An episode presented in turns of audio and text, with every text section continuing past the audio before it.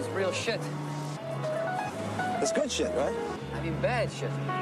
Bad shit like this shit is bad? It's shit shit. This shit isn't worth shit. Anybody caught on the street with this will get killed. This is real shit. I came up with the idea of uh, making something uh, local, and I thought it would be so easy to make. Uh, I come from a culture where I eat local food, and we grow our own fruit and vegetables. So I thought it was gonna be easy here, but um, I found out that to start uh, a new crop or a new, yeah, type of tomato, it was uh, a challenge. How It's- come? Um, well, I first I, I thought you know I could I'm in the uh, greenhouse area, so I can, it's easy to find a grower and ask if they could grow this uh, Mexican tomato for me. And Which is called uh, it's called tomatillo. tomatillo. Yeah.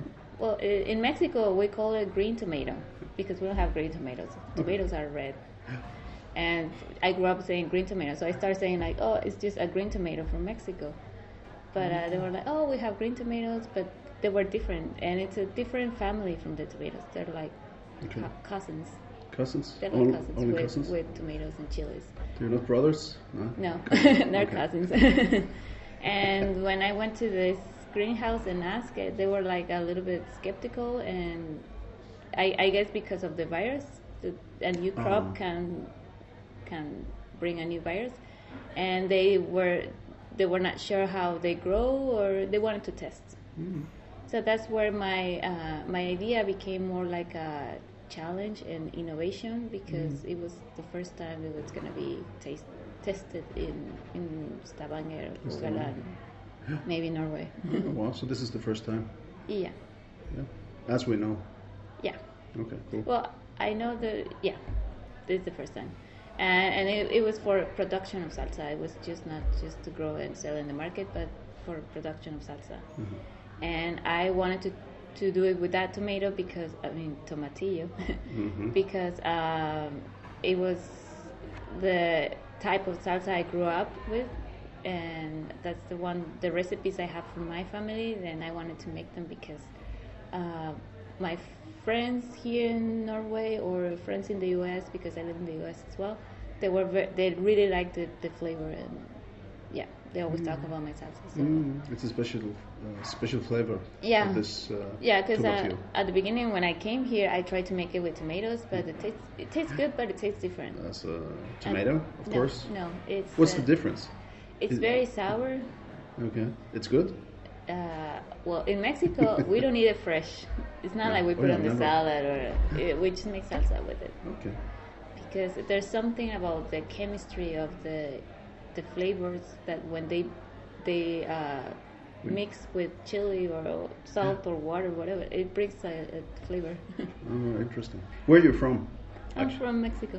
Mm. I'm from the Midwest. The Midwest. Yeah. Cool. Yeah, And what's your specialty there? like a national dish, I guess that everyone knows. It's called carnitas. Mm, I know that. The pulled pork uh, type of yeah, m- much better than pulled pork. Those look, yeah, yeah, so that was like looks very good. I grew up eating those, and yeah, it's like a tradition every Sunday. Well, it was a tradition. Now it's Every very popular. Sunday? Okay. Every, it's popular now that everyone wants to eat it every day. Oh, yeah. but before it was like tradition. Sunday food. Mm-hmm. So it's not on, on Fridays like in Norway with the Taco Mm. Friday. No, that's actually we eat it for lunch. No, breakfast, For breakfast. brunch. Wow. yeah. Amazing. yeah, we we have like heavy breakfast in Mexico. We eat Oh. beans and eggs and tortilla and salsa. And, Wow. mm, it's very good. Mm. I should try it Yeah. one Sunday morning. Yeah, yeah, that's my weekend uh, breakfast. It is? It is? Still? Yeah, yeah. But what do you think about uh, the Friday taco uh, thing in Norway? yeah. It was very interesting when I moved here because I lived in the U.S. before in seven years, and then I moved here. And when I came here, I see like the same brand, like Old El Paso, and you know, yeah.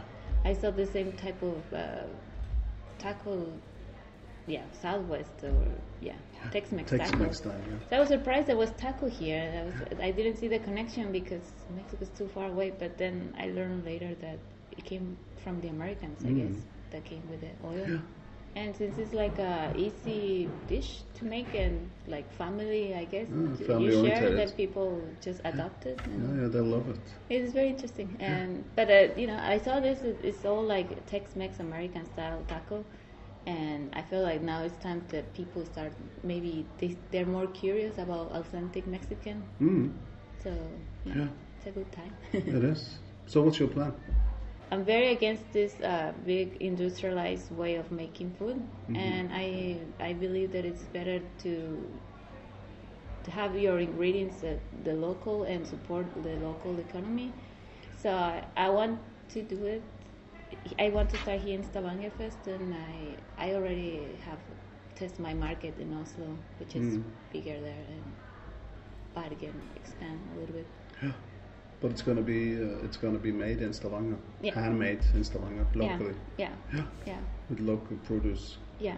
Yeah. Yeah, and this type of salsa is not just that you just open it and it's a salsa, but it's like homemade style that you open and it looks like your mom just made it. Mm, cool.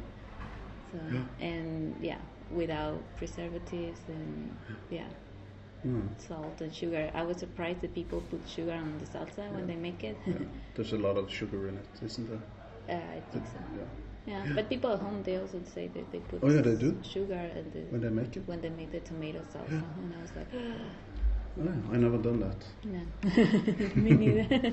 I've only made the pico de gallo, Yeah. I think it's called. Yeah. The chili, tomatoes, onions, and cilantro, Cilantro. Yeah. and uh, some lime, and salt and pepper, Yeah. and garlic. Okay. I don't Okay. put garlic, but Oh. if you want to, yeah. That's Yeah. really good. yeah. It's very fresh, and that's actually what we put on the carnitas. Pico de gallo. Pico de gallo. Cool. But so, what's your what's your future plan now? You gonna you gonna harvest uh, tomatillo soon Yeah. because you have a production Yeah. going on at Finnøy or at If you know, yeah. Well, it's been it's been taking three years. so this year is like the final test production. Uh, it's been a, a long ride trying to find a greenhouse and someone who can work with me and be partner and, and do the crop cropping uh, of tomatillos and this is the last testing and next year I'm planning to just establish and go go for uh, for production. bigger production. Yeah. So in 2021, production starts. Mm-hmm. Yeah. Yeah. Okay. I'm starting with the test now and the final test and uh, yeah, trying to find uh, investors. You need investors. yeah, Of course. Yeah, because I have found I I got um, support from Innovation Norway and yeah, I want to continue Mm. with the establishment.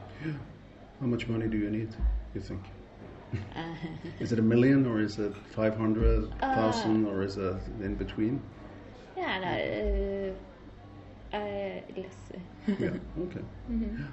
That should be. Uh, that yeah, should be it should possible. be a problem, but uh, it's, Mhm. it's difficult to find an investor that is willing to invest in food. Um, Yeah. Most of the ones that I met, they they invest in technology or they're they're not sure about food because people will not pay much for food or they, Mm. there's no culture about food. But I I believe it's changing and the mentality and Yeah, I think so too. What do you think about the local food scene here in Stavanger?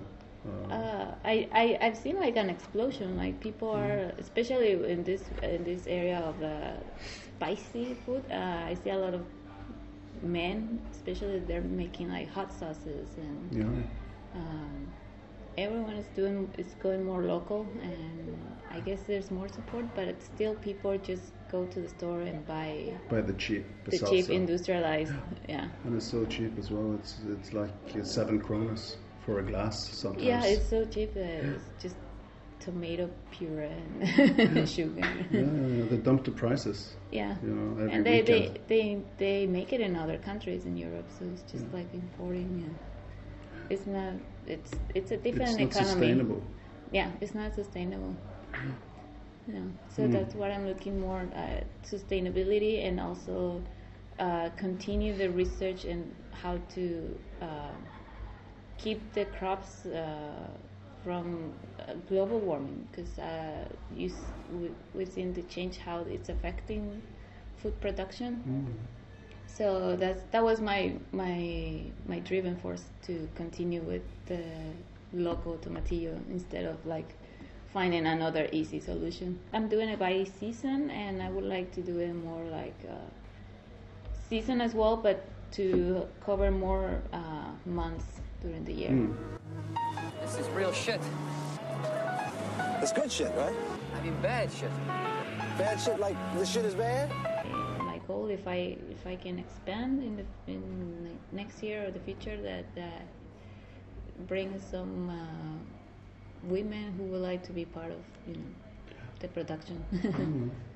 Maybe you could give us a recipe. I've been in social cooking, so I, I do courses of Mexican food, and I gave this recipe of um, uh, this is with tomato.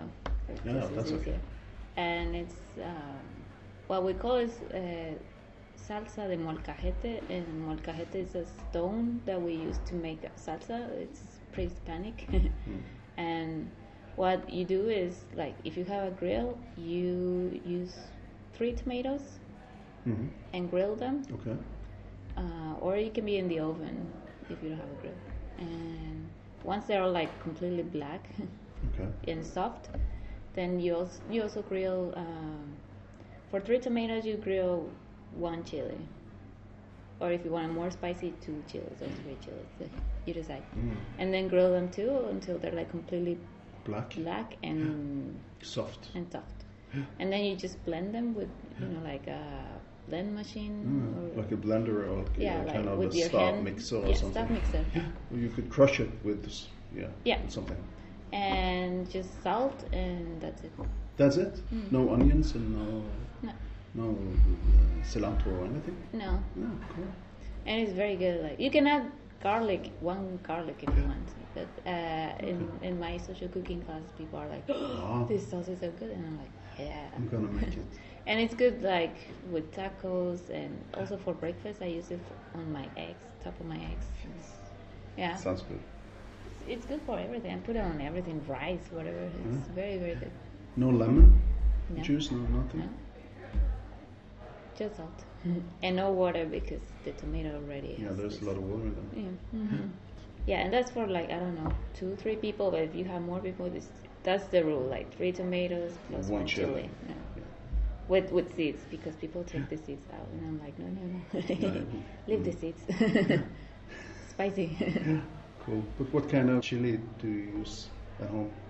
uh, You have the ordinary. Okay. Jalapeno. Yeah. I have tried the green ones, the long ones that Yeah. they sell in the stores, but they're not so spicy. And the jalapeno is not spicy either. It's I don't know what type of um, uh, piece, the Yeah, type of tomato they use. Sometimes some some are spicy, others it's like completely no spicy at all. It's probably made for the Norwegian market. yeah, it should be know. like a type of chili that is Yeah. not so spicy. So, But uh, you know the the chilies they have down at uh, IMS, EMS, you know the International Food Market. They're pretty good. yeah, They have yeah, yeah, I buy them. four or five different you know types. There. Uh, could you tell us more about your brand, which is called Salsitas, Salsitas, salsitas, yeah. which means uh, small salsas in Spanish. ah, So I feel like you know through my brand, I want I see Norwegians are very interested in Spanish, and I guess also through the U.S. media they get some Spanish Mexican. So I I want to in a way teach, not teach, but to show the the culture, the local, the Mexican culture, not just the Tex-Mex idea they have about Mexico. And well, I know Mexico is really it's a very um, difficult country right now with what's going on, but uh, the culture and the people is something that is worth show, and the food. Um, so I want to, I want to show the real Mexico, not just like a commercial way to sell a product. And Wow. uh, these salsas, for example, they what I want to also bring to the table, Norwegian table, it's my experience of my childhood, like the flavors that I grew up with, um, because uh, not everyone in Mexico have the same recipe or eat the same type of salsa. They're all different. So. So for me, it's, they're very special, and that's why I've, I've, I've been very careful with the production and how, from growing locally, that has the flavor of, yeah. But it's uh, my mom's recipes and my my sister recipes that I'm using, and yeah. So it's not that I'm copying or finding on the internet some recipes. These are from my family and something that I carry, and uh, it's very important for me since I'm not there anymore. I'm here, and yeah, it's so it's my connection, Mm, cool. and it doesn't matter what type of taco people make. The salsa brings that flavor, and and also brings that flavor to me back in Mexico. This is real shit. It's good shit, right? I mean, bad shit. Bad shit like the shit is bad? It's shit shit. This shit isn't worth shit. Anybody caught on the street with this will get killed. This is real shit.